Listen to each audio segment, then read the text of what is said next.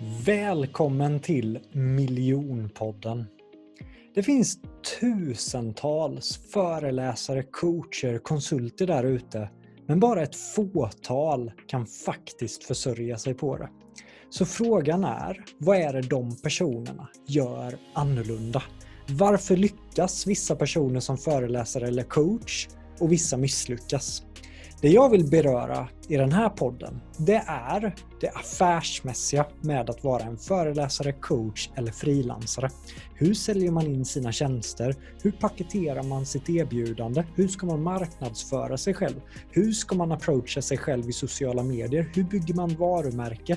Detta och mycket, mycket mer kommer jag intervjua några av Sveriges främsta experter inom området. Jag själv, Jonathan Ljungqvist, har 10 års erfarenhet från att jobba i den här branschen och jag har också jobbat för och med några av världens främsta coacher. Så att jag är så taggad och inspirerad att ge dig som sitter här och lyssnar hemligheterna bakom det affärsmässiga med att lyckas som föreläsare, coach eller frilansare. Nu kör vi igång! Varmt, varmt, varmt välkommen tillbaka till Miljonpodden. Och idag känns det som att vi kommer skriva historia på ett sätt. Jag har laddat alltså hela natten, hela förmiddagen. Det är så många människor i mitt hus här bara på grund av den här intervjun. Det här är en person som idag tar klivet från ett drömliv till att göra en annan grej som föreläsare som kommer hjälpa, ja, jag vill framea miljontals barn och ungdomar. Har den här personen potential att göra? Under tio år har han underhållit barn och, och ungdomar som programledare.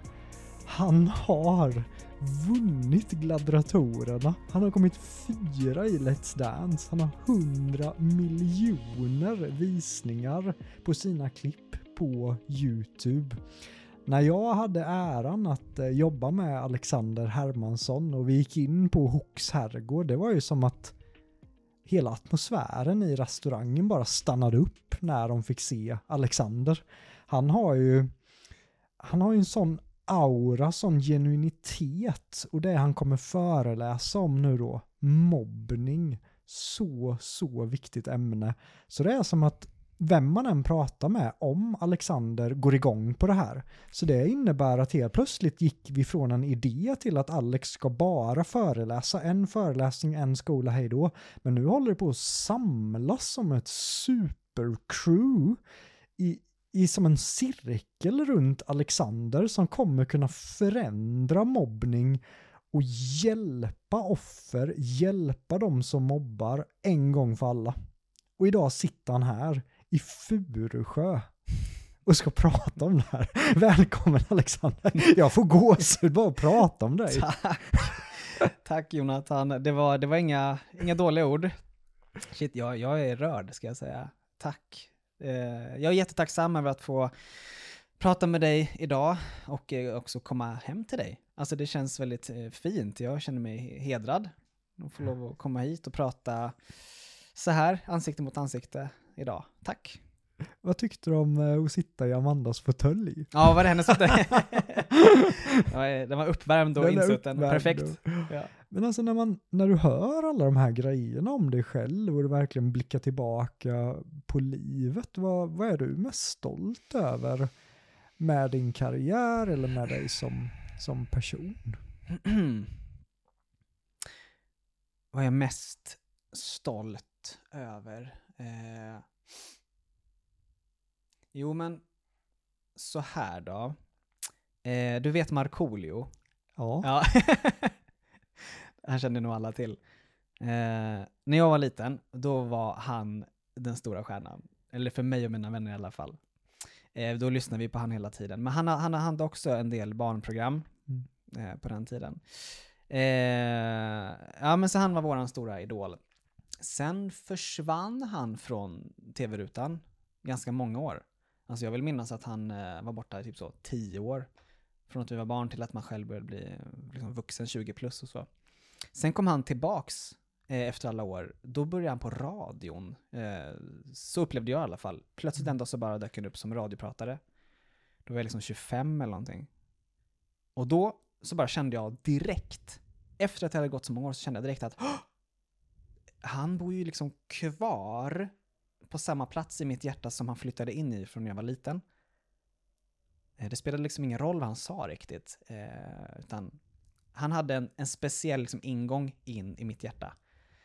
Eh, då blev jag väldigt medveten om att den här effekten tror jag är väldigt vanlig på barn och unga när man ser upp till någon. När man har en, en idol.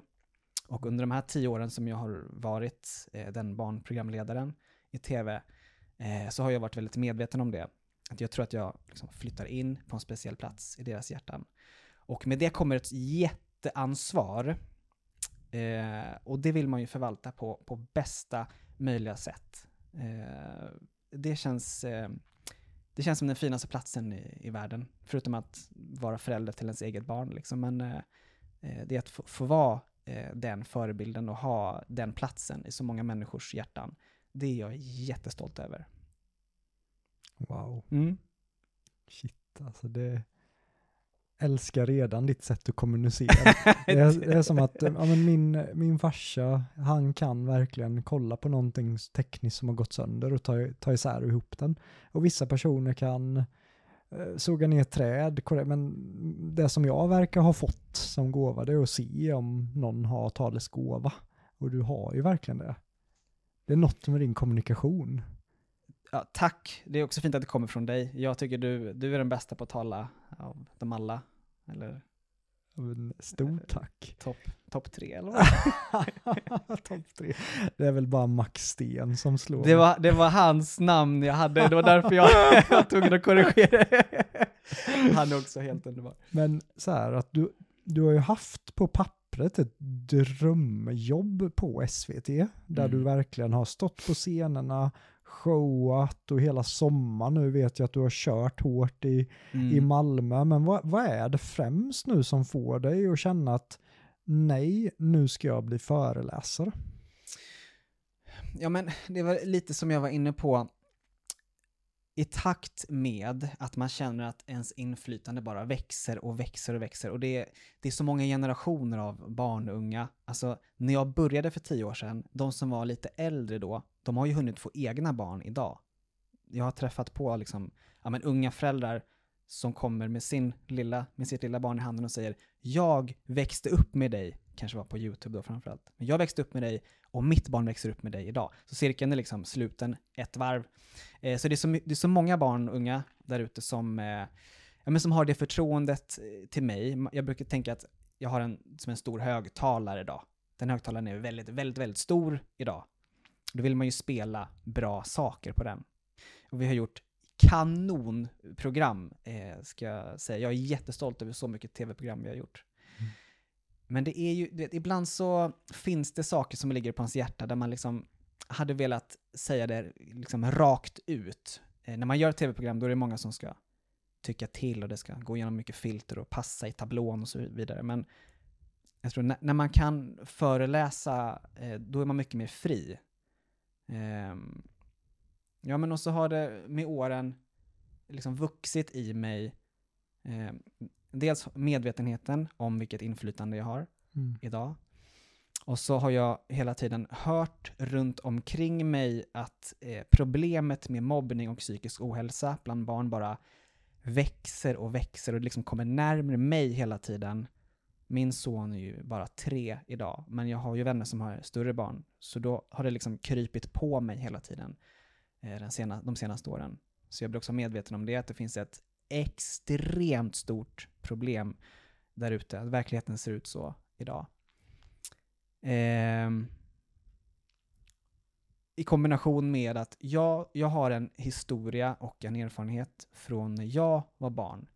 Mm. Och slår man ihop de här tre så, så finns det en sån enorm potential. Det känns som att man håller i dynamiter plötsligt och tänker att alltså jag måste få vara med och bidra till det här. Jag tror, ju mer jag tänker på detta så tror jag att jag, jag kan förändra, jag kan vara med och förändra så enormt mycket. Eh, jag, kan bara inte, jag kan bara inte släppa det här. Jag, jag måste liksom få, få satsa på det här nu. Wow. Så känns det. Och jag menar, det, det är så sant det du säger också, att jag tror att ett, ett misstag skolvärlden i Sverige har gjort är att man tänker att ah, men vi tar in den här läraren får prata om det här. Men om barn och ungdomarna inte verkligen har den personen som en förebild så är det svårt att lys verkligen lyssna på den personen. Jag menar när, när man var barn så man såg upp till sina förebilder och de lyssnar man på på ett helt annat sätt. Och där tror jag verkligen som du säger också att det är där din slagkraft verkligen kommer komma. Men det finns ju en twist i det hela också. Ska vi berätta om den Ja. twisten? För Det märker jag. vad du... Min andning blir så an, an, an, annorlunda. Jag tycker att det är jobbigt, men eh, det är jätte, jätteviktigt. Eh, många som föreläser om mobbing har ju varit utsatta själva och vet hur det är och vet allt om det. Eh, vilket är superbra. Det behövs också, det är jätteviktigt. Eh, men det som är den stora eh, kraften, eh, tror jag, i mitt fall, det som gör det väldigt unikt är att eh, jag var på andra planhalvan. Jag eh, kan liksom komma in bakvägen in i det här problemet för att jag var en mobbare i skolgången. Ehm, så jag eh, var ju en del av problemet och det är ju problemet vi ska lösa. Eh, annars kommer vi ingenstans. Hur tror du vissa barn och ungdomar som hör det här nu kommer känna när du säger så här att du var en, en mobbare? Mm. Det är det som känns jobbigt ju. Mm. Eh, jag har ju lagt så mycket tid och energi och engagemang på att vara eh, en god förebild under mitt vuxna liv under de här tio åren. Eh, den, den Alex från skolan som eh, fastnade i ett mobbande mönster, det är ju en helt annan människa som jag refererar till och pratar om. Eh, att behöva öppna den dörren igen och, och blotta det, liksom, det känns ju eh, jobbigt, men, men jätteviktigt. Jag tror att eh, det, det finns, antagligen så, så reagerar många barn med att oj, det trodde jag inte. Mm.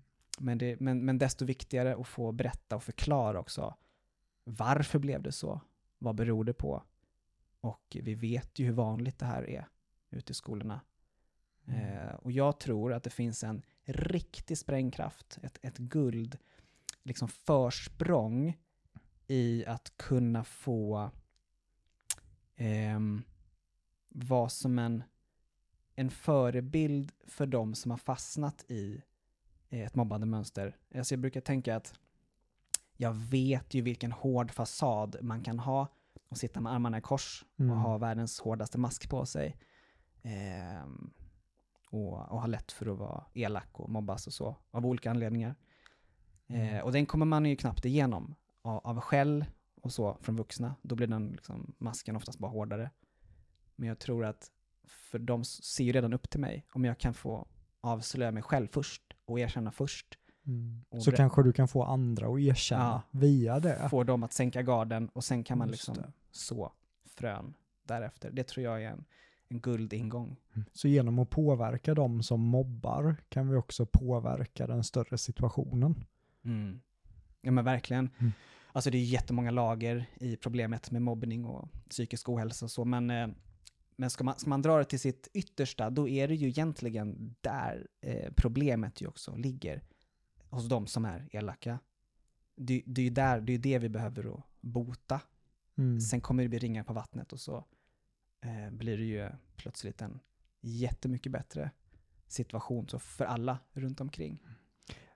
Vi kommer ju prata jättemycket om de här delarna, vad, vad man kan göra. Vi kommer ta några smakbitar av din föreläsning med, jag tänkte Mhm. att ge värde i det och, och prata om framtiden. Men jag är väldigt nyfiken på din story också, för det är kanske inte alla som har koll på din story. Och när jag, när jag verkligen pluggade dig ännu mer igår, det var som att det ena och, nu har jag ändå varit med och byggt din föreläsning. Jag trodde att jag hade koll på dig.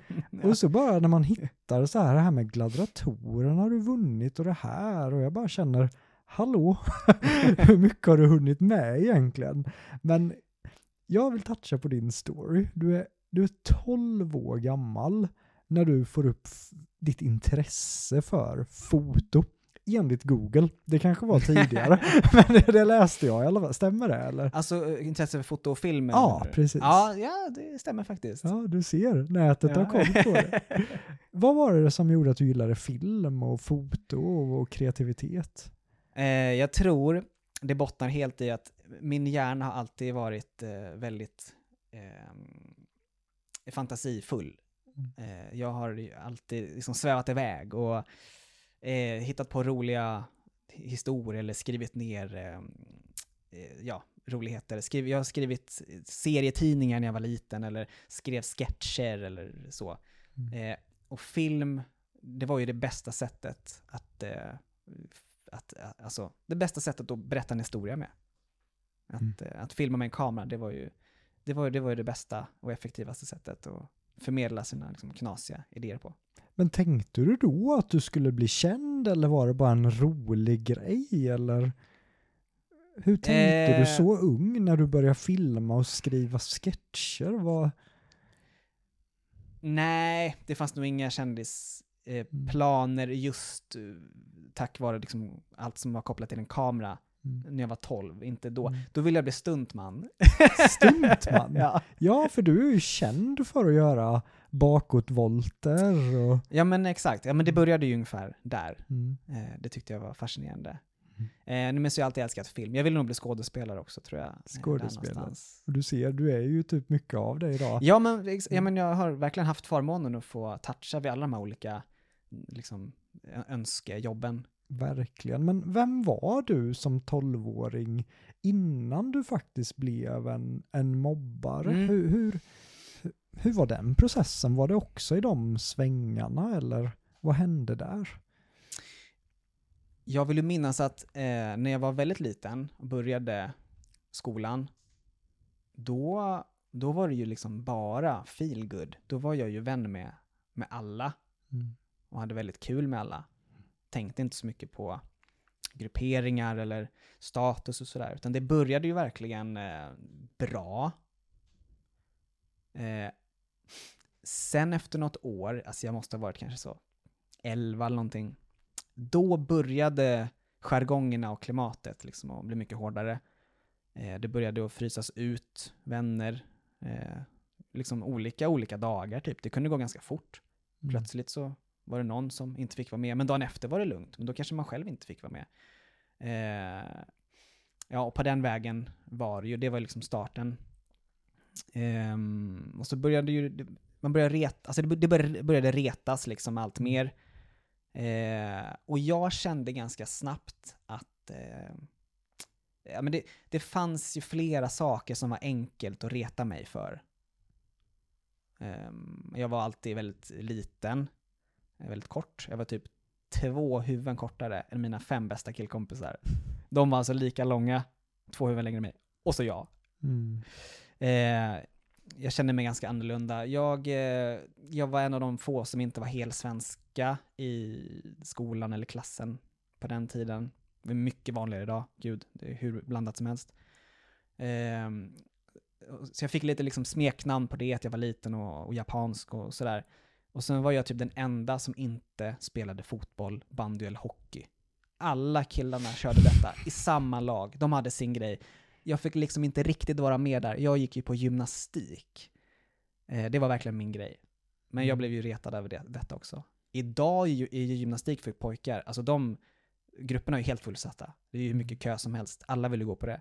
Men på den här tiden fanns ju inte YouTube, då kunde man ju inte se att man kunde göra häftiga bakåtvolter liksom. Så de sa, ja ah, du ska göra piruetter typ och sånt där. Ja men jag började känna mig liksom allt mer hackad på.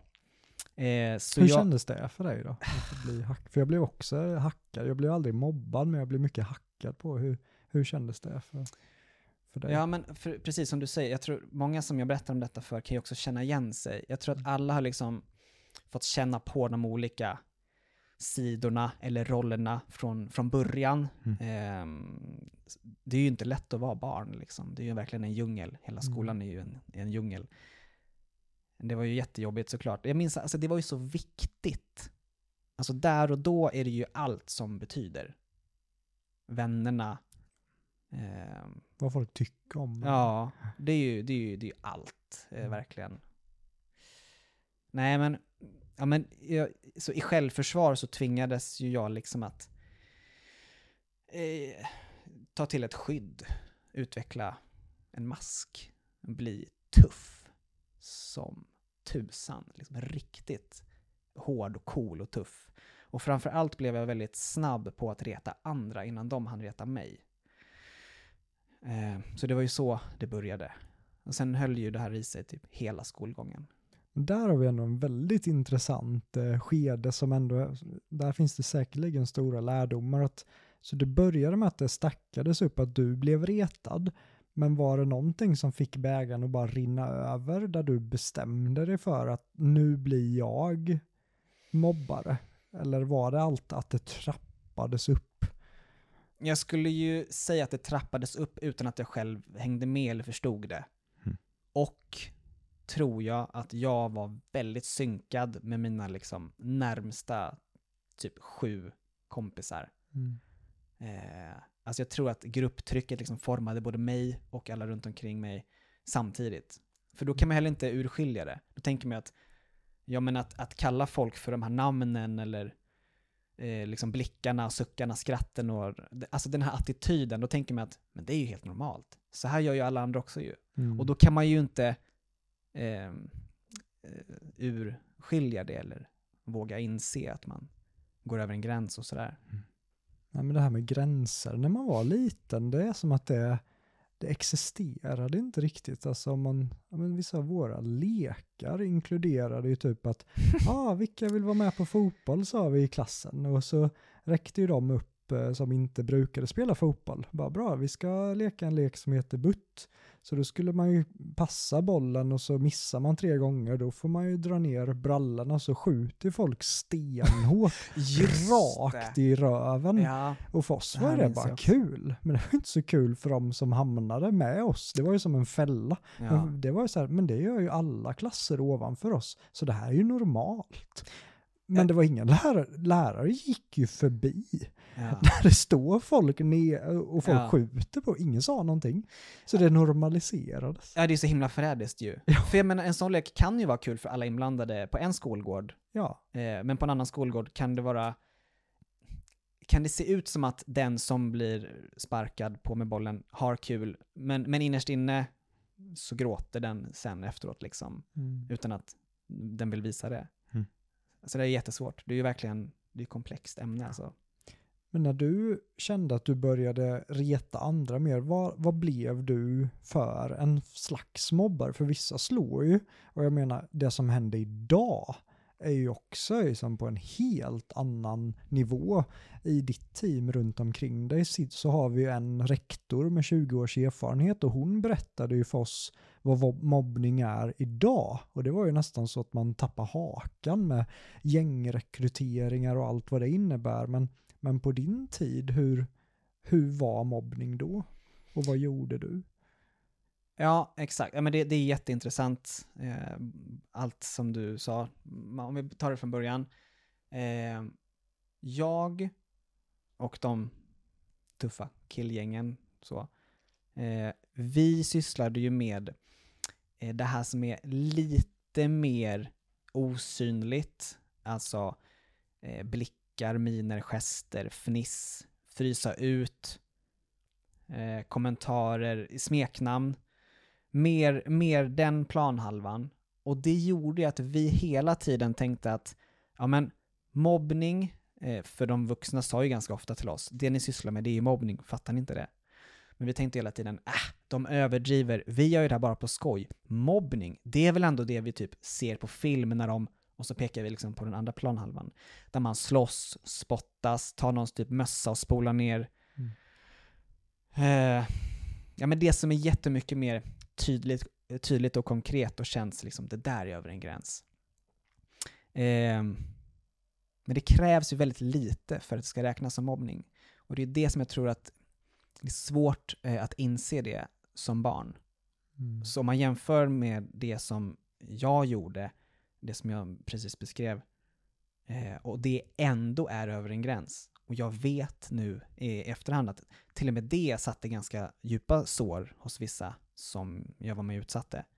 Eh, då kan man ju inte ens föreställa sig vad som, vilka konsekvenser det medför idag, med så långt det tyvärr ofta eh, sker idag. Som du själv sa, det är ju ja, men gängrekryteringar, liksom, vi pratar vapen. Alltså barn och ungdomar sysslar liksom med vapen, misshandel, droger, alltså våldtäkter. Det har ju gått så långt så att man, eh, man vet inte vart man ens ska börja.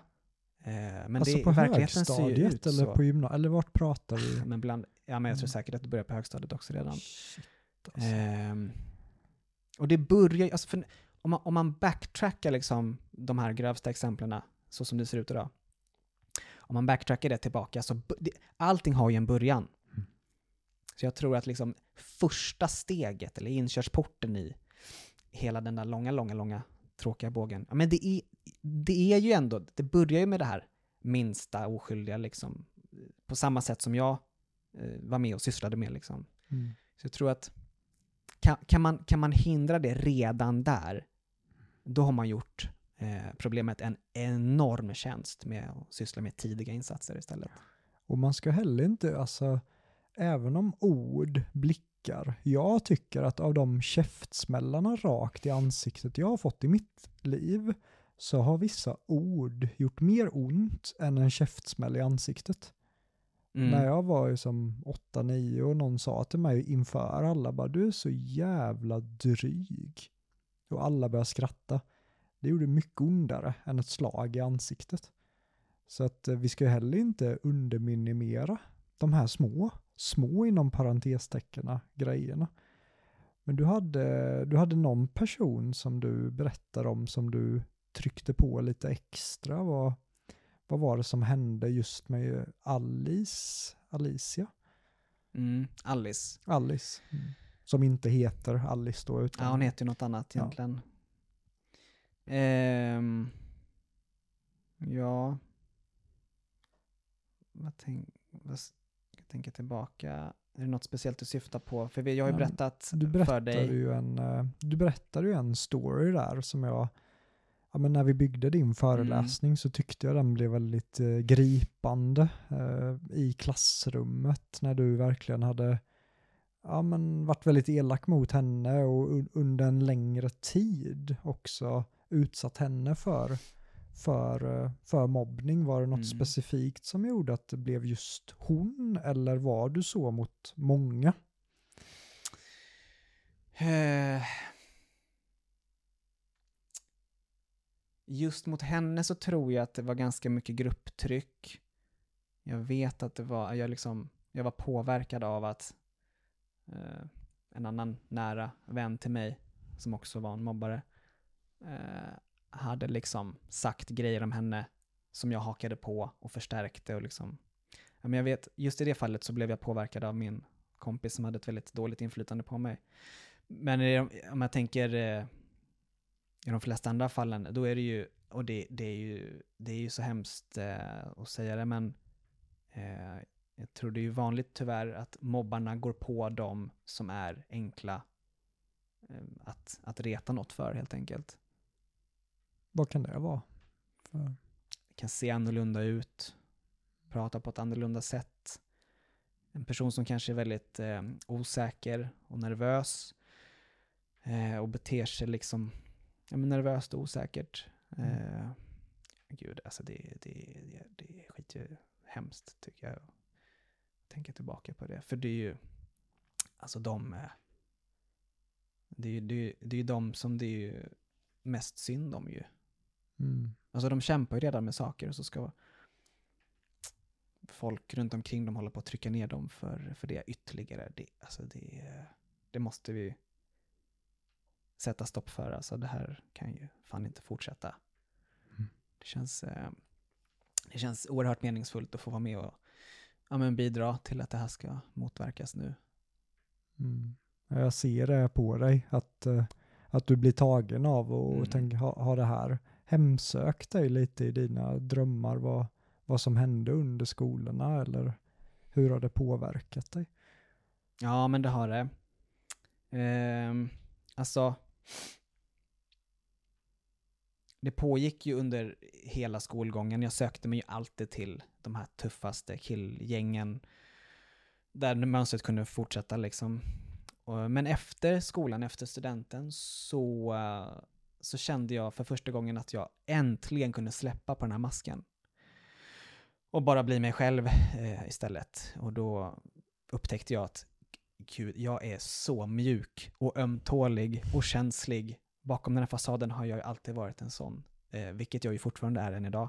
Väldigt eh, känslig och mjuk och så. Mm. Ömtålig kille.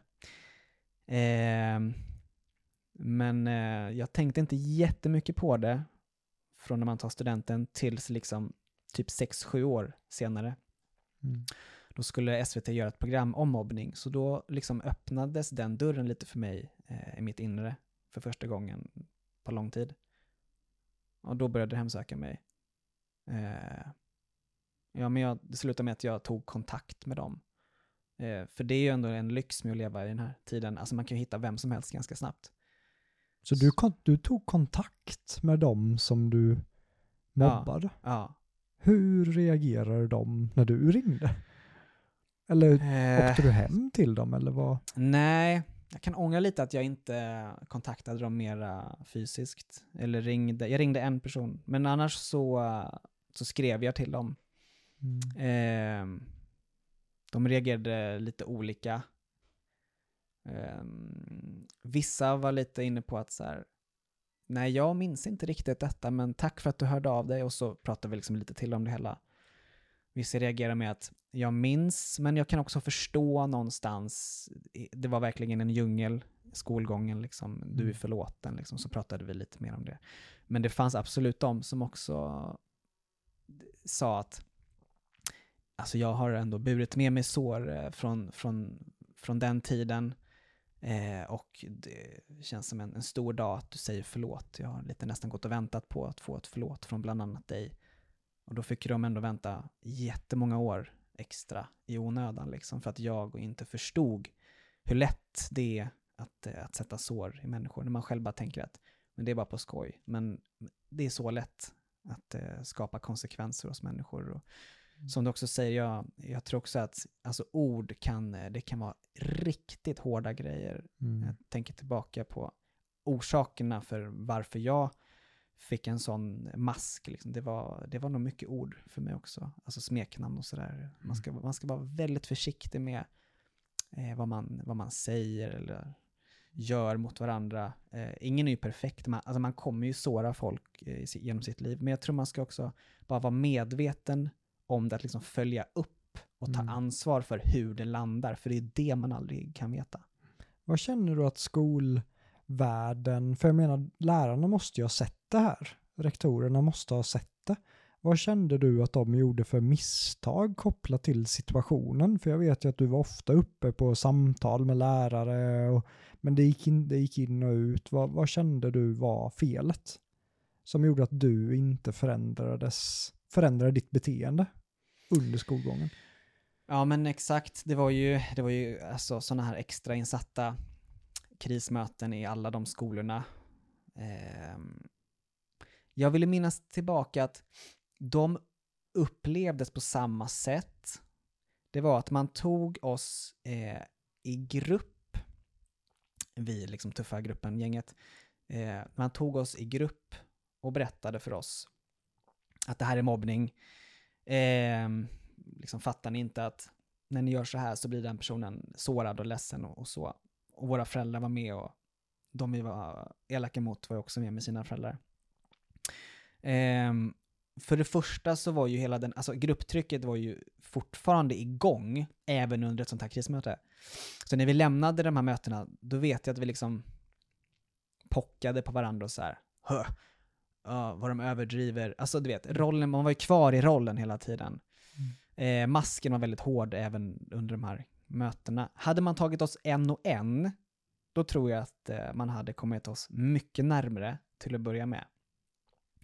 Varför? Det är jättespännande. För det är, och det är det här som blir så coolt med din föreläsning också, att du, du sitter på ett perspektiv från en sida som inte riktigt har pratat om det. Det är därför jag gick igång så mycket på för att hjälpa dig med din föreläsning. Just varför en, en och en?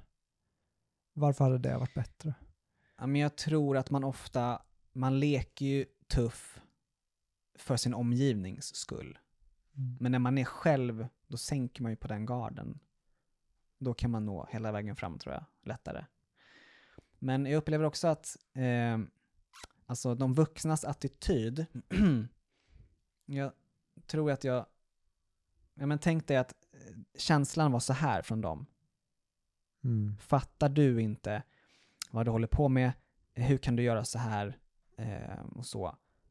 Lite av en attack mot oss. Och när man redan, när det har gått så långt att man, man sitter med armarna i kors och är stenhård, man har den här hårda muren framför sig, då blir den liksom ännu hårdare. Alltså i självförsvar också, man vill ju inte ta, ta in det. Eh, det är ju jobbigt att, Mm. att behöva förstå att man håller på och- och är elak. Men alltså mobbningen, eh, det beror ju nästan alltid på någonting. Det Mm. finns ju en orsak till varför eh, de här personerna gör som de gör. Jag tror att de här personerna, de vet nog själva inte det alla gånger. Alltså de är inte så medvetna om det, utan det har bara blivit det här mönstret. Jag tror att man behöver gå från att göra så här till att hjälpa dem så här. Mm. De, de behöver faktiskt hjälp ut ur det här mönstret också. Liksom, kom, ta min hand, vi pratar om det tillsammans. Vad tror du att det beror på? Vad behöver du? Hur kan jag hjälpa dig? Ehm, finns ju, alltså det kan ju vara att de kanske har det dåligt hemma, har det otryggt hemma, eh, saknar eh, ja, men trygghet, gemenskap, kärlek och så hemifrån eller runt sin omgivning. Ehm, de kanske har sett eller varit med om våld själva, kanske i hemmet. Ehm, man kanske vill ha respekt. Eh, Man vill vara någon.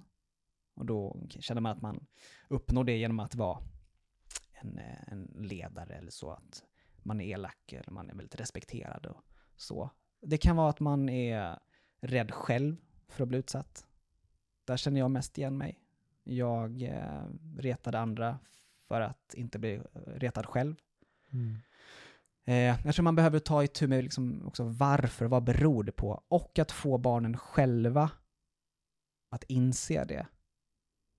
Där har man nog eh, ett rejält försprång. Och eh, jag tror att jag kan eh, ha eh, ett... Jag tror jag kan göra jättestor skillnad där. Jag tror att, eh, du vet, när, när det är jobbigt att erkänna någonting och någon man ser upp till först erkänner, då händer någonting. Då sänker man garden. Då är det mycket lättare att erkänna det för sig själv. Och jag tror att kan jag få vara den som går först i ledet och säger jag vet hur det är att vara i era skor. Eh, jag, jag, jag vet hur, du kan, hur det kan bli så. Jag har insett det här, jag har lärt mig det här, jag ångrar mig obeskrivligt mycket. Jag vill inte att det ska upprepas igen. För mig berodde det på det här. Mm. Vad tror du att det beror på för dig? Då tror jag att de kan få sänka garden äntligen för en gångs skull och våga titta inåt. För det är där lösningen börjar. Mm. Häftigt alltså. Det, jag gick ju verkligen igång på det när jag pratade med din eh, agent också då, Max Sten, och han förklarade att ja, men det handlar inte bara om en timmes föreläsning som de flesta gör. De står på scenen en timme, kör sin grej, sen hej då. Nej, nej, det här ska byggas till något mycket större där ni också kan erbjuda den här hjälpen och kunna vara som sagt så många otroliga människor, workshops, coachning, föreläsningar. Alltså det är så stort det som håller på att hända. Ja. Det var så häftigt också när, när vi körde på Oxherrgård och, Max kom och träffade dig. ja. Och han var med oss och sen sa han hej då och ja. åkte hem. Men sen mitt i natten vände han och åkte tillbaka. ja. För att han tror på ditt ämne. Och det här är alltså en av Sveriges tyngsta agenter som jag känner. Och han gick igång på dig så mycket. Varför tror du att han gjorde det? Ja, det känns, det, det känns som en... eh, Jag blir, så, jag blir så rörd och tacksam över, över, över det, så jag, jag vet inte vad jag ska säga riktigt. Varför? Nej men för att eh, han kände nog likt, för så kände ju du också Ja, vet jag, ja, ja. Den, eh, den första natten där. Eh, precis, precis som jag själv känner och typ alla jag berättar det för. Eh, det är alltså kombinationen av de här ingredienserna. Eh, jag har jobbat upp ett förtroende, barnen lyssnar, så jag är avsändaren. Eh, behovet är helt enormt. Det är ett jätteallvarligt ämne med mobbning och psykisk ohälsa, allt vad det liksom kretsar kring där. Ehm, och med min bakgrund så kan man liksom gå bakvägen in i problemet. Mm. Eh, den kombinationen, alltså när folk får höra den och sova på den så inser man att det, det här skulle kunna ha en sån potential att göra skillnad. Det var ju så jag kände också att eh, det här handlar inte bara om att jag ska lägga en dag och bygga en föreläsning sen hej då som det ofta är med dem jag bygger utan här var det något större. Framförallt bara när du skickar en film till min mamma som är lärare till hennes klass och, och hela klassen går banana och jag bara känner vilket otroligt meningsfullt projekt att få hjälpa Alexander och ge tusen procent och inte vinka hej då utan Mm. vad du än behöver. Hur kan man hjälpa? Och det är det som kommer hända och det är det som har börjat hända. Och det är där den här häftiga vågen kommer komma. Men sen är det också att min, min grabb är ju inte så stor just nu, han är 17 månader. Men redan nu har jag lite ångest för att skicka in han i skolvärlden för jag vet att de värsta åren i mitt liv, det var skolan. Det var Mm. så mycket blickar, kommentarer, dittan och datt. Jag tappade ju hela min... Jag gick från den här lekfulla pojken till instängd. Mm. Och det var tack vare att jag inte kände mig trygg i skolan. Så att det ska finnas personer som dig och ditt team runt omkring dig som fixar till det här innan jag skickar in shapes. Ja, precis. Så det är själviska anledningar också. Men jag, men jag jag, tror med dig. verkligen på dig. Om det är Eh. någon som kommer gå med en fanbärare så är det ju du. Tack, jag ska verkligen göra mitt bästa. Men jag tror att det finns en enorm potential där. Det känns jättefint. Eh, jag brukar tänka att det, det är som att det här projektet är... Eh, tänk dig bilden att i, i en skola eller i en klass eller i ett eh, gäng där det har gått långt och snett och uh, det finns en stark mobbning eller utfrysningskultur eh, eller så. Eh, då kan man ju tänka att det är som eh, plantor som har vissnat. Mm. Med det här projektet nu så vill vi att eh, jag har en spade som barnen låter mig göra ett hål med. Så så jag ner frön och klappar tillbaka jorden. Och sen har vi ett team bakom som är med och vattnar eh, och som tänker långsiktigt Mm. med eh, eh, uppföljningar och vi gör en, liksom, ett paket verkligen av detta så att det får blomma upp och bli eh, friska blommor eh, över lång tid. Mm. Wow, Mm. nu fick jag också här gåshud på rygg. Jag gillar också metaforer. Ja, det är mycket enklare att ta till sig. Om du hade varit lärare och du hade haft en mobbare framför dig one-to-one, Mm. vad hade du sagt? Med den kunskapen du har. Ja, Men jag hade ju velat komma in under skinnet på den personen. Försöka gräva fram varför tror du att du har fastnat i att mobba andra? Fokusera på det. Mm. Sen är ju lösningen olika för olika personer såklart. Alltså för en del så, så, så kanske det räcker med att man bara säger, alltså att man mer påminner. Du förstår väl att den personen blev ledsen när du sa så? Mm.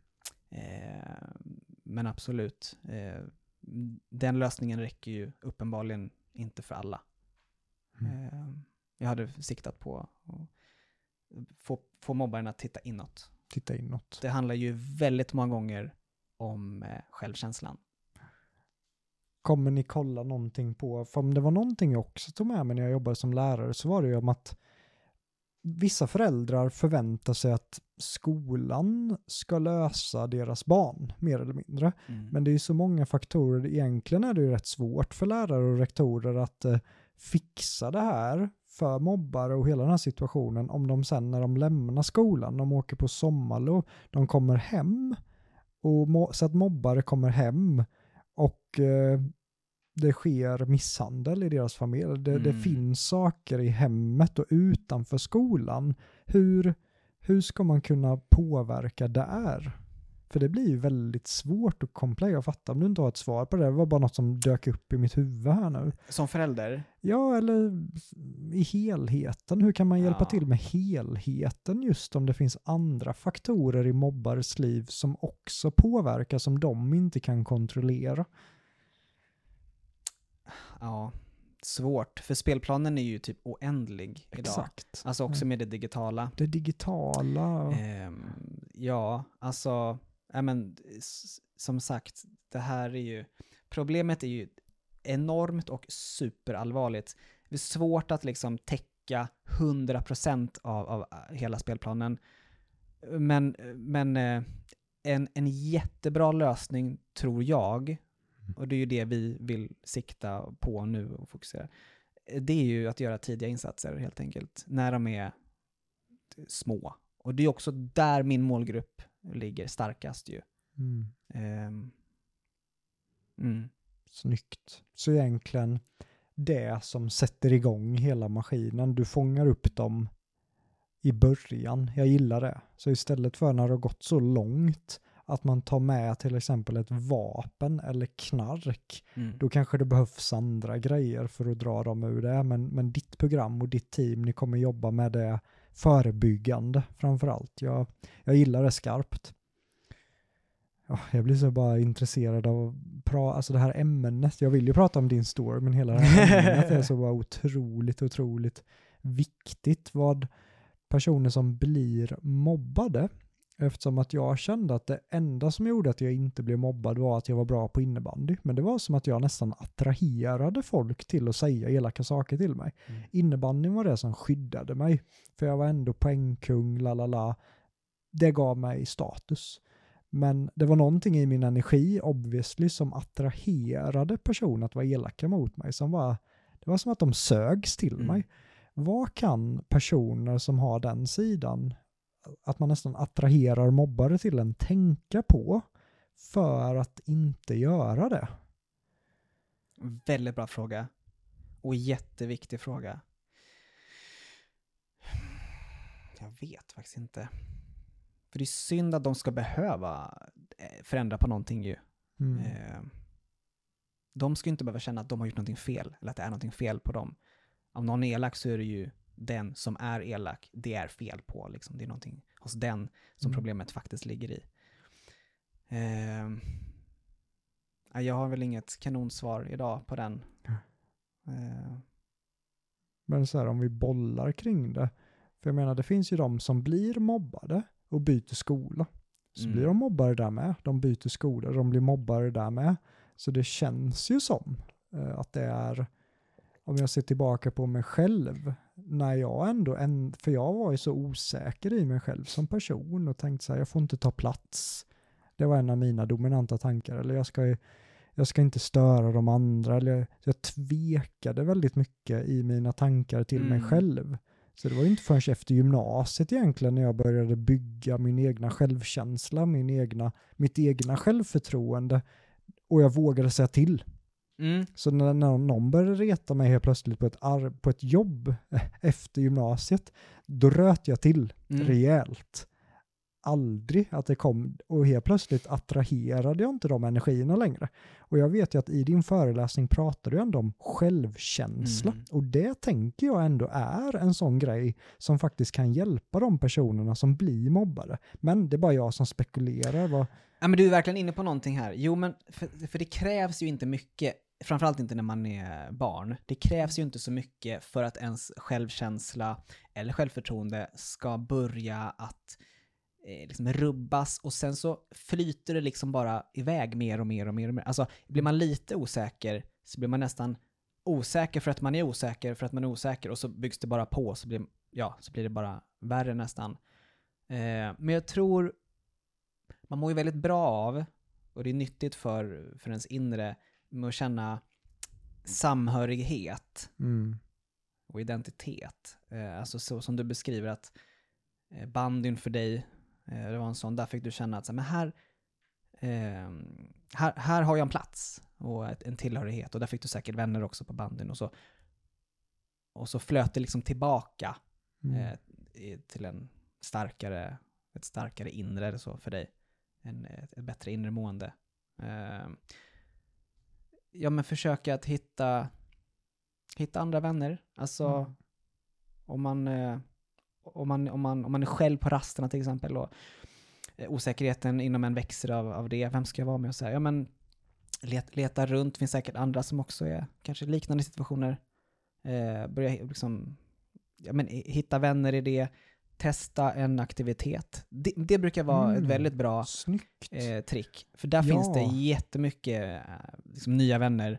Och så delar man samma intresse, då klickar man ju jättemycket snabbare. Det är ju ett sånt klockrent tips ju, just att aktivitet, fortsätta försöka skapa nya vänner. Skapa, för viss, när vissa tänker att nej men det är omöjligt, jag är ensam, alla är emot mig, då blir man väldigt passiv. Och då blir det svårare och svårare och svårare. Mm. Men just det du sa där, den tycker jag är klockren. High, high Mm. five på... Bra. Det måste du ha med i föreläsningen också. Ja, jag. den är, Ja. du, alltså, du märker, det är ju ett ganska nytt Ja. ämne för mig. Så jag, jag tycker det är häftigt också att jag lär mig ju liksom längs den här resan Mm. Det finns mycket nytt att ta in. Ta in. Ja, och jag tycker att en, en föreläsning är inte helt klar förrän efter man har kört den 40 gånger. För då lär man sig att ah, så här kan jag kommunicera och det här verkar de tycka är Mm. viktigt men jag trodde att det här var viktigt och då kan man Mm. förstärka det. Och det är det som är det roliga tycker jag med att ta fram kurser och föreläsningar att hela processen i att skapa fortsätter hela Mhm. tiden och du kommer bli bättre och bättre och bättre och bättre. Häftigt. Mm. Efter gymnasiet så gick det ju snabbt för dig. Du Mm. blev stor och känd på YouTube nästan direkt efter, eller Mm. under gymnasiet. Under typ. gymnasiet så Under började gymnasiet det. var det. Ja. Vad var det som fick er att bli så stora så snabbt på, på YouTube? Jag tror att det var eh, eh, kombinationen av eh, YouTube var nytt. Vi eh, var en grupp eh, kompisar, vi var sex killkompisar som kallades för Rackartygarna. Eh, vi hade intressen som var extremsporter, eh, snowboard, eh, BMX, cross, gymnastik. Eh, ja, vi hade liksom täckt nästan alla de Mm. extremsporterna. Och så gillade vi att göra film. Så vi gjorde filmer med de här inslagen, typ som musikvideos eller sketcher. Humor var också en sån komponent. Eh, och det var det ju ingen annan som gjorde. Så då blev vi ganska så ja, men, unika och långt fram på det här liksom, YouTube-tåget som bara skenade fortare och fortare. Um, så det var vi och några till eh, som var, ja, då blev vi de största där, första generationen liksom. Och hur var det egentligen? För det är också väldigt spännande tycker jag när, när barn egentligen blir kända, ungdomar blir kända. Hur påverkade det dig, kändisskapet så ung? Ja, alltså, jag tror att det är en rejäl storm man kastas in i, speciellt som ung, som folk eh, inte kan föreställa sig riktigt. Eh, det är ju många lager. Det är ju dels liksom de här krafterna där folk vill tjäna pengar runt omkring en. Man dras åt alla olika håll. Eh, man kan vara liksom själv och inte veta hur ska jag hantera allt detta? All stress, att vara offentlig, göra rätt, tacka ja till rätt saker, tacka nej till fel saker. Aldrig kunna få liksom slappna av eller vara privat om det kommer fram folk på stan och sådär. Och det kan ju även pågå alltså hemma, över kväll och natt, via telefonen. Pressen av att eh, du vet, jaga likesen och statistiken och visningarna och sådär. Det, här, det är ju verkligen en konstant storm hela tiden. Jag har tyckt att det har känts ganska tydligt att alltså, människan är nog inte skapt för den här uppmärksamheten riktigt. Eh, Jag vet ju att vissa som, som får all den uppmärksamheten och det kan ju gå väldigt illa kopplat till psykisk ohälsa, stress. Folk har ju verkligen, när den här, vi har ju hört skräckexempel främst från USA Mm. som, som du berättar innan också, att man kan må riktigt, riktigt dåligt. Vad Hände det för dig eller lyckades du bromsa upp det eller hur, hur påverkade det dig? Nej, jag, jag mådde inte speciellt bra. Eh, framförallt inte ett tag där. Det har väl gått liksom lite fram och tillbaka. Eh, men jag har fått verkligen som kämpa och lära mig den hårda vägen. Gått i terapi och hittat verktyg för att förhålla mig till att vara offentlig och allt vad det innebär. Eh, ja men och du vet hela, alltså utmaningen med att inte lägga sitt värde och sin identitet i statistiken och siffrorna. För det tror jag många barn kämpar med idag. Mm. Att de mäter hur populär eller hur värd man är i likes. Mm. Eh, och det tror jag många vuxna också kämpar med. Ja men verkligen. Och, och just att hur, hur bryter man det då? Mm. För jag kan själv känna igen mig ibland om man postar på LinkedIn och så får man så här sju likes. Så Då kan det direkt komma en sån där känsla av att va? Vad gjorde jag för fel? Funkar inte mina hooks? Ja. Vad är fel? Ja. vad, vad, vad tänker du att man kan göra åt Den, det? den är ju svår, men man, man behöver ju hitta någonting annat som man liksom lägger sitt värde i. Eh, alltså helst på insidan. Alltså Mm. så att man inte är beroende av någonting yttre. Eh, jag tror att den är svår. Jag personligen, eh, jag har väl landat i, eh, alltså för mig funkar det bäst och så, jag har landat i att eh, mitt, mitt värde och min identitet eh, ligger i min, i min tro, i min kristna tro. Att säga, ja, men jag tror att jag är, jag är älskad av Gud Mm. och jag är hans barn, punkt slut. Spelar ingen roll vad jag gör eller har gjort eller så. Då är ju det ganska liksom untouchable. Mm. För mig tycker jag det funkar bra, men man får väl liksom pröva sig fram. För då har du styrt bort den från att likes, Mm. välmående, framgång.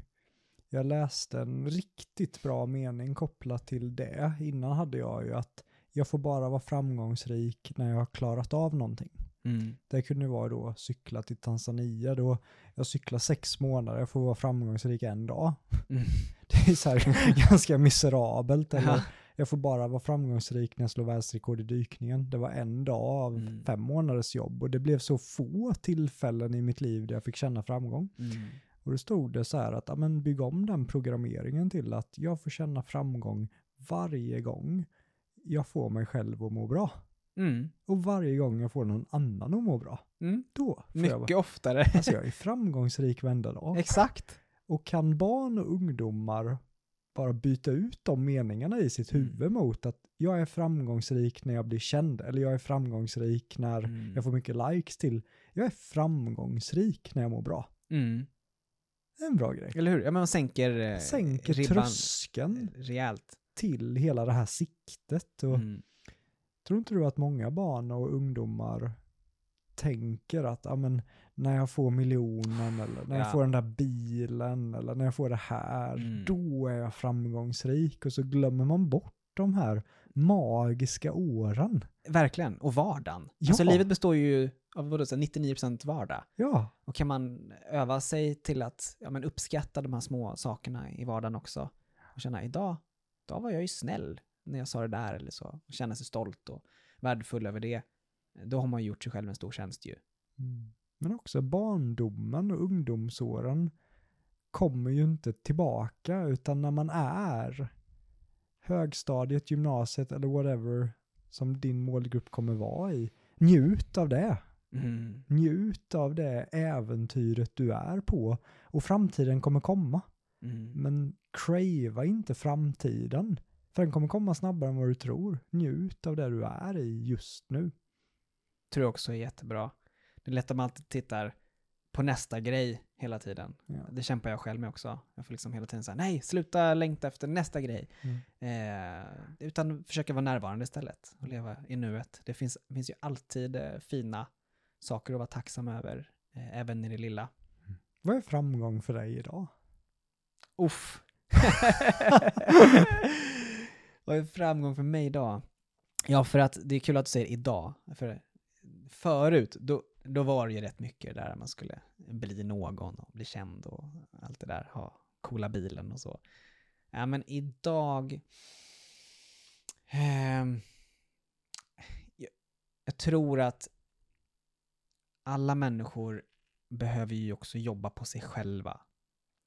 Alltså att jaga de här pengarna och karriären och det, det är ju yttre saker. Men att, att titta inåt också eh, och bearbeta gamla sår, eh, vanor, mönster och liksom ta itu med gamla problem eller ja, men se inåt, ransaka sig själv och, och växa inifrån och ut.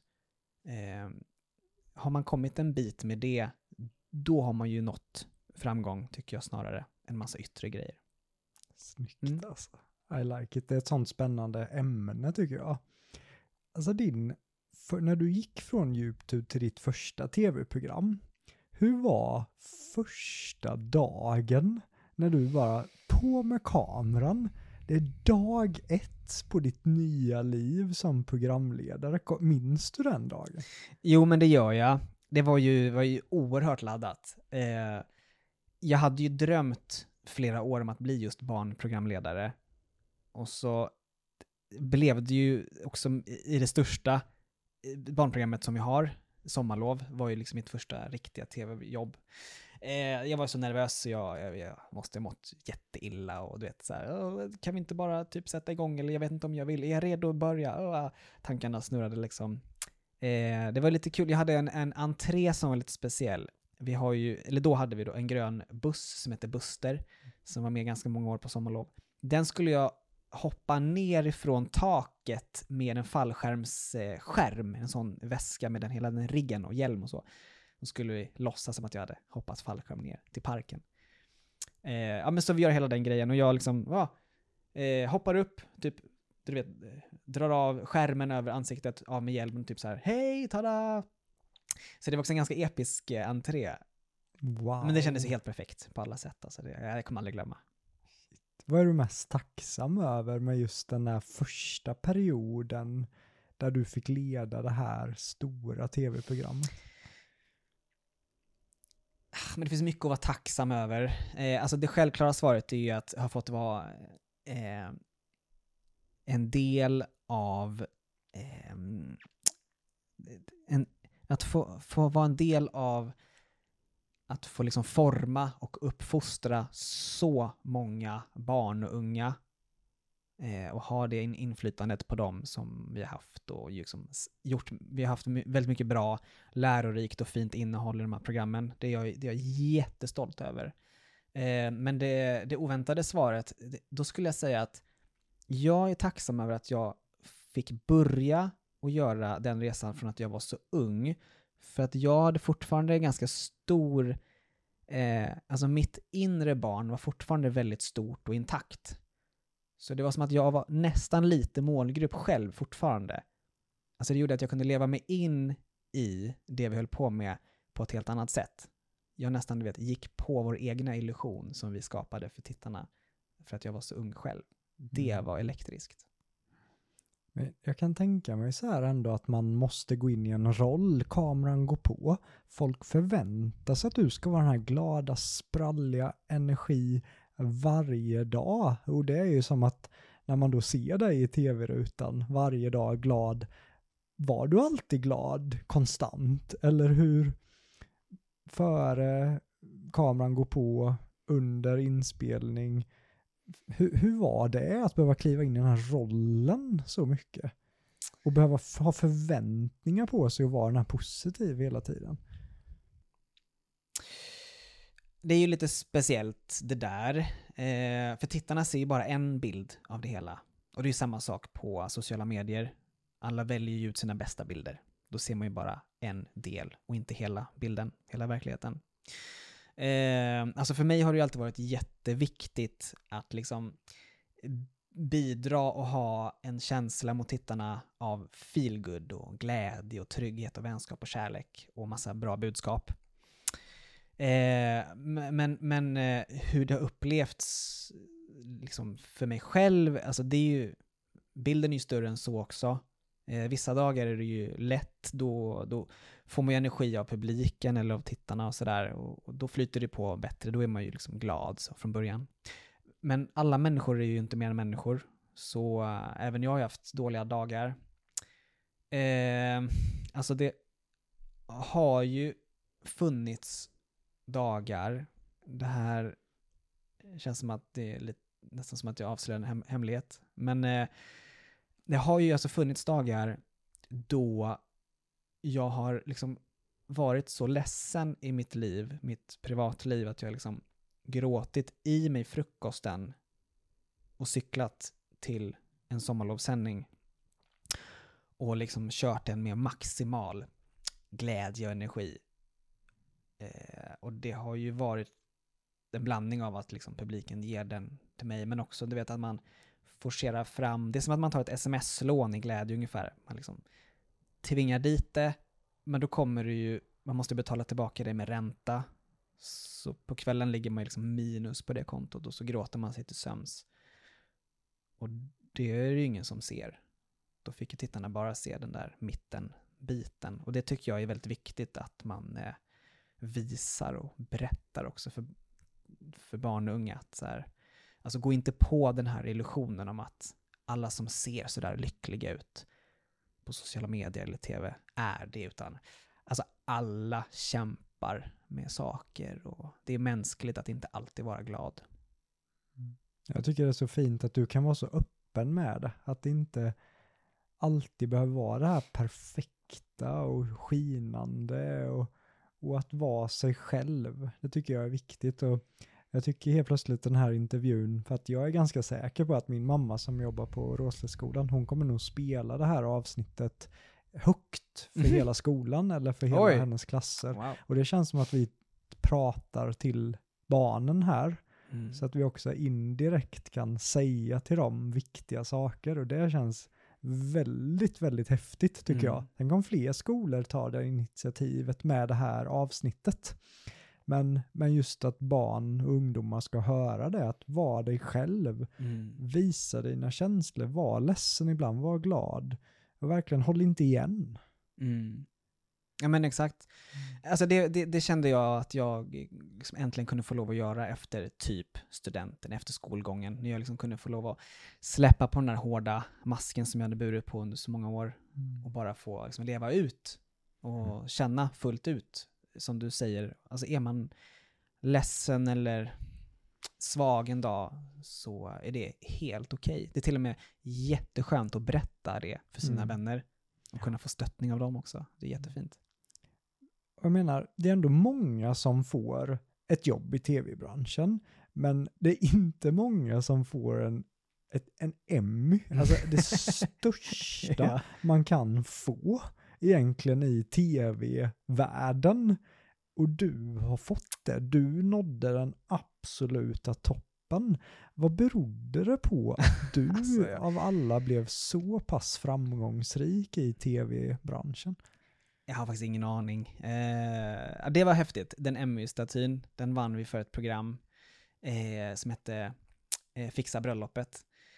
Eh, då var vi i Cannes i Frankrike på en sån Emmy-gala bland alla kändisarna och så var vi nominerade och det, det är ju sällsynt att ett svenskt barnprogram ens blir nominerat och så, så gick vi och vann dessutom.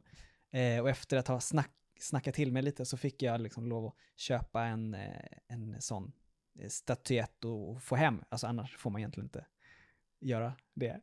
De hamnar liksom på tv-kanalernas kontor och sådär. Men jag har den i köket. Du det är liksom det. exakt samma staty som du vet Game of Thrones-casten håller i på man googlar liksom M-staty eller Friends-casten och sådär. Så det är ju, det är ju verkligen jättehäftigt. Jag känner mig så oförtjänt av den alltså. jag vet inte. Jag har väl haft massa tur kanske. Jag tycker att jag har eh, jag har gjort mitt bästa hela tiden och varit jättetacksam över chanserna som har getts och sådär. Men eh, jag försöker att vara väldigt eh, ödmjuk inför det hela också. Jag personligen tror inte så mycket på tur. Inte när du systematiskt, du går in i gladratorerna, du vinner gladratorerna, du kommer fyra i Let's Dance, du får en M. Jag är tveksamt om det här är tur. Jag tror du har vissa egenskaper som gör dig oerhört, oerhört, jag tror du är en väldigt disciplinerad person mm. som gör jobbet, som verkligen show up every day.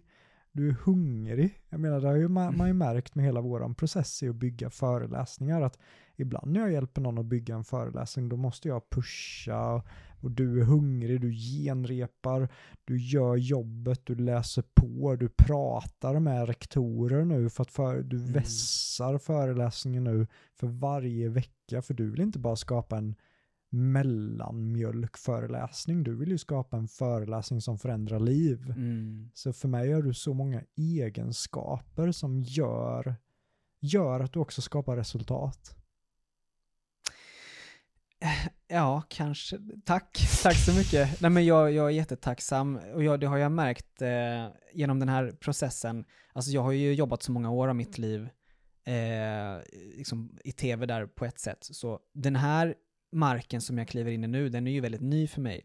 Men jag märkte ganska snabbt att så fort vi började jobba, liksom att jag öppnade den dörren till det rummet som hette liksom att föreläsa och via Jonathan här nu så så har, ju, så har det ju varit så många människor, alltså framförallt i, i ditt nätverk som har varit, blivit engagerade i mitt projekt och ämne som har liksom krokat arm och så har vi nu blivit liksom vuxit och vuxit och fått, alltså vi är ett team med helt fantastiska människor och experter av olika slag som vill hjälpa till. Så det håller verkligen på att växa till någonting eh, som är ja, långt större än bara mig. Och det är jag jättetacksam över.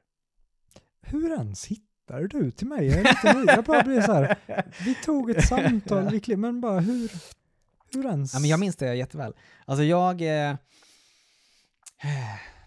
för ett halvår sedan typ, då började jag gå i tankarna att så här, det här med att om jag skulle föreläsa om mobbning och, och liksom ta tag i det här ämnet och jobba för det. Jag, jag, jag måste, jag måste nog göra detta. Jag, jag, skulle inte kunna liksom förlåta mig själv om jag missade den här öppningen nu. Eh, ja, så det bästa det är väl att föreläsa om det, tänkte jag. Och hur gör man det? Vart ska jag börja? Och så liksom, kikade jag igenom mitt instaflöde och såg Aron Andersson. Och kände lite att just det, han är nog den enda jag känner till som föreläser på den nivån. Bäst jag frågar han. Och han sa typ ah, vad kul att du också ska börja föreläsa. Du ska prata med den här killen, Jonathan heter han. och sen så ringdes ju vi. Och jag berättade allting från min sida och du bara ah, wow, men vet du någonting om mig? Och jag bara alltså nej, Aron sa att du ska prata med Jonathan. och du bara, får jag en chans att berätta lite om mig då? Ja, gör det. Och så berättade du, och så var det som att då förstod jag hur, hur tacksam jag ska vara att jag liksom föll på ditt bord framför dig. Och varje gång vi har pratat och varje gång som folk har pratat om dig eller som jag har pratat med folk i ditt nätverk så, här, så, så förstår jag liksom hur, ännu mer hur tur jag har haft hela tiden. Eh, ja, för du är den du är helt enkelt. Att jag får lov att jobba med dig. Ja, Shit, nu blir jag helt generad här. Stort tack. Eller Jag kände verkligen det vi bondade under det första telefonsamtalet. Och det, det tycker jag är kraften av, av storytelling också. För jag kände med dig att du, du hade typ ingen aning om vem jag är. Jag tänkte, jag ska dra min story nu. Mm. Så jag tror jag drog den i en halvtimme för dig. Typ. Ja, säkert. ja, men jag, eh, jag, jag bara söks rakt in. Ja, det jag gillar det. Istället för att någon bara frågar, ah, vem är du? Och så säger man typ, ah, jag har vunnit det här och det här. Utan bara Mm. Berätta sin berättelse. Och det har en högre effekt och det är också det du ska göra nu för skolorna. Att du ska ju med storytelling verkligen toucha ungdomarnas hjärtan. Mm. Det är ju det, precis som du säger. Man, med storytelling så kommer man ju in eh, under skinnet liksom och hela vägen in till hjärtat. Och jag tror att det är där eh, mycket av kraften finns. Jag är ändå lite så här, de som lyssnar vet att jag gillar lite så här skvaller och Alltså, vad är det sjukaste som du har varit med om i din karriär? Det måste ju ha hänt något galet. det sjukaste. Vad tänk, och vilken kategori tänker du? Alltså det, ja, det galnaste. Det smaskigaste? Ja, liksom. det smaskigaste. Jag vet inte. Nej, men det har hänt massa grejer såklart.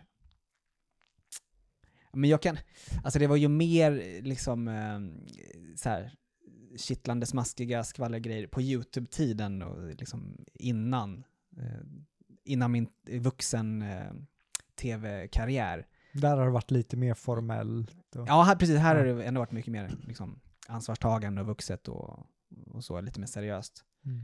Men eh, Ja, jag vet. Har jag, har jag berättat någonting för dig som du, är det, är det något som du tänker Alltså på? jag, bara det lilla du berättade, du var, eller lilla för mig var helt insane när du berättade det här att du, du skickades till något land och du skulle vara reporter. Ja, Ja, och så helt ja, plötsligt kommer Ed Sheeran ja. som du får intervjua. ja men det, det, det, det var ju väldigt Sådana speciellt. grejer va, alltså, jag känner ju ingen som har gjort så jag blir helt hänförd av sådana stories. Ja men det var, det, det var väldigt speciellt eh, var det ju ändå. Det var ett av mina första tv-jobb också. Jag var ju inte gammal, jag var ju typ 23. Ja, Och jag skulle- du var äldre. Nej. Oj. Alltså sjukt oerfaren. men berätta Ja då, men eh, en sak ledde till en annan och jag skulle vara lite så vikarie för en annan programledare. Vi åkte till en jättestor eh, MTV-gala i... Eh, ah, vart var det någonstans? Eh, nej, det var... någonstans i Ja. Europa. Vi åkte till en jättestor MTV-gala utomlands och jag skulle vara lite journalist. Lilla jag, liksom. Bland de liksom, vuxen, vuxna, riktiga journalisterna. Och jag kände ju direkt att jag måste sticka ut lite grann om jag ska ha, få en syl i vädret. Så jag hade på mig en sån lysgrön kostym. Eh, och så hade jag klätt ut min mikrofon med en sån eh, gul puff, puffskydd med en sån ninjaband och stora, du vet såna ögon som snurrar typ. Ja, men så jag hamnar i, liksom, längst bort i ledet och tittar mig omkring. Hur gör man? Jaha, så det här är röda mattan, jag ska intervjua kändisarna här, liksom artisterna som kommer och så. Eh, och sen så ropar en röst, välkomna in artisterna! Och då inser jag att, nej, jag är ju jag som är längst bort här i ledet, jag är ju först, närmst dörren. Jag borde ju ha varit på andra sidan. Ja, crap. Eh, och ut kommer eh, det stora namnet först, Ed Sheeran, och går fram typ först till mig. Och så jag har ju inte sett hur det här går till. Så jag får lite så här improvisera. Alltså jag var så sjukt nervös, jag kunde typ inte ens engelska. Och, he hello Ed, jag vet inte vad jag sa. Jag tittade typ så på min fusklapp med jättedåliga frågor, typ så. Vilket är ditt favoritdjur? Han måste ha tänkt, alltså hur, hur hamnar den här killen här? Men, eh, nej alltså vi pratade lite. Och jag hinner säga, kan vi ta en selfie, men där vi gör grimaser? Och så tar vi en sån. Och den bilden har jag kvar. Oh det är ändå roligt. Ja, men sådana här grejer, du måste ju skriva en självbiografi någon gång. Ja, kanske. Du borde också göra det. Men jag tycker, när man pratar med människor, och de, många säger typ såhär, åh du har så mycket roliga historier och så. Men sen trillar ändå ur en och annan historia ur typ alla människor. Alltså, nå- jag, jag kan ändå tänka, precis alla människor i hela världen skulle kunna vid ett tillfälle i sitt liv, vid en viss ålder, skriva en bra självbiografi. Verkligen. Ja. Verkligen alltså. Det, jag har så många självbiografier bakom dig där. Så att du ser, jag samlar. ja, exakt. Så att när du väl har skrivit den får Då du hamnar skicka den där. hit, skicka en hälsning. Har jag en kund i alla fall. Finns det någon person i tv-branschen eller i, i ditt liv som har betytt extra mycket för dig? Som har varit den här mentorn som har hjälpt dig framåt i tuffa stunder? Eller är du mer en självgående person som har gjort det mesta själv? Alltså jag har fått frågan ganska många gånger, vad har du för förebilder? Och jag har haft lite svårt att säga ett bra namn. Jag har nog haft liksom lite svagare förebilder, men i olika områden som har fått vara någon slags paket av förebilder.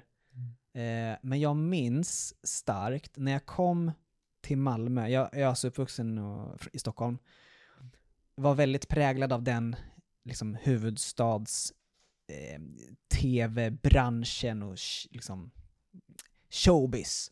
Eh, ung, omogen. Eh, flyttat till Malmö, där det är jättemycket lugnare, varmare, mjukare attityd och stämning och så i staden. Eh, börjar på, på SVT och direkt eh, så får jag ju lov att jobba med Malin Olsson, som ju fortfarande jobbar kvar där, som också gör Sommarlov. Och jag reagerade på att hon var, till skillnad mot många och liksom attityden i Stockholm där, hon var expert på att se och lyfta även de liksom, minsta. Mm. Alltså hon, eh, hon la lika mycket tid och kraft på att omfamna de nya praktikanterna Mm. som när cheferna kom och besökte. Eh, det, det tog jag verkligen till mig och så tänkte jag att "Uff, så där vill jag också bli och göra. Eh, och det tror jag har präglat mig idag. Det är jag stolt över. Snyggt. Hur ser planen ut nu kommande tid? Jag vet ju att du ska sitta med i morgonsoffan snart Mm. och prata om det här. Är tanken att du ska ut på skolor sen eller hur, hur är planen nu för att verkligen hjälpa så många barn och ungdomar som det bara går? Ja, men det känns lite som att vi, eh, vi sitter på väldigt mycket liksom, sprängkraft och potential och så får vi väl lite grann se hur behovet ser ut och jag tror att det får liksom utveckla sig och växa med tiden. Hur exakt eh, man gör detta på bästa sätt. Om det blir en eh, fluga på mikrofonen. Försvinn! Om det blir en... Eh, ja, förlåt. Nej men det är flugan, vet han flyger på. Ska jag backa eller? Nej nej nej. Okej, kör okej, du får. Ehm, om det blir en föreläsningsturné eller om vi kan göra det digitalt för att nå ännu fler skolor och göra det liksom så smidigt och, och effektivt som möjligt. Mm. Eh, så det, det får lite, det får växa fram så, så ser vi hur, hur vi kan göra det eh, ja, men så bra som möjligt helt enkelt. Mm. Och det kommer ju, det känns ju som att för varje vecka så händer det. Det Mm. kommer in en person, det Ja, kommer in en rektor, det kommer in den här, det kommer in det här. Så att eh, så spännande att se vart allt kommer leda till. Hur många hundratusentals, kanske till och med miljontals personer du kommer vara med och påverka. Ja, det känns eh, jättespännande. Alltså det, det här måste ju vara det, det absolut viktigaste jag har gjort i min karriär. Och eh, alltså problemet vi ska jobba mot här, det, det, är- det är ju så stort. Det gäller ju inte bara eh, liksom min primära målgrupp, barn och unga. Alltså föräldrar är ju också jätteinblandade och påverkade av problemet med psykisk ohälsa, mobbning och sådär. Och lärare och rektorer. Det, det är ju många som helst som vi hoppas kunna nå ut på olika sätt och kunna få hjälpa liksom, och så att det blir så att alla kan samarbeta så att det blir ett, ett ekosystem av, av det hela. Det känns eh, jättespännande. Vad, eh, när vi sitter här om tio år i Mm. samma fåtöljer, men de kanske är lite fläckiga, lite mer gråare hårstrån på oss Ja. Vad, eh, tio år från nu, vad är du mest stolt över att du har åstadkommit? Uff. Nu ställer jag lite kuggfrågor här, märker du det? då, då vill jag att jag liksom fantiserar lite här då och hittar på så som jag hoppas Absolut. att det har hänt. Vad är jag mest stolt över då om tio år? Det vore ju att få ha sett med egna ögon eh, att jag eh, var med och gjorde skillnad. Att det gav resultat. Att det blev eh, så som vi hoppades på att det skulle bli. Eh, och i en eh, jättestor utsträckning också. Eh, den gigantiska volym som jag faktiskt tror att det här projektet har potential att nå och hjälpa. Att vi, vi tog det hela vägen in i mål. Det skulle jag vara så stolt över. Nej, men eh, känner du dig nöjd med, med det här samtalet, Alexander? Är jättenöjd. Och det var, det var skönt att få prata av sig lite. Det är ju som sagt lite ny mark för mig. Så jag själv liksom växer och lär mig för varje gång man får prata om det här. Har du varit med i en podd innan? Inte många. Alltså jag tror... Jag, jag minns en tidigare. Alltså jag har tackat nej till alla sådana extra grejer under så många år. Så, eh, Snyggt det var, det var alltså. jätte, jätteskönt och härligt. Vilken och ära att komma få haft dig i, i miljonpodden. Tack. Tack för att jag fick komma hit. Självklart. Är du taggad på, för ikväll så kommer du få uppleva, jag tänkte säga miljonbast.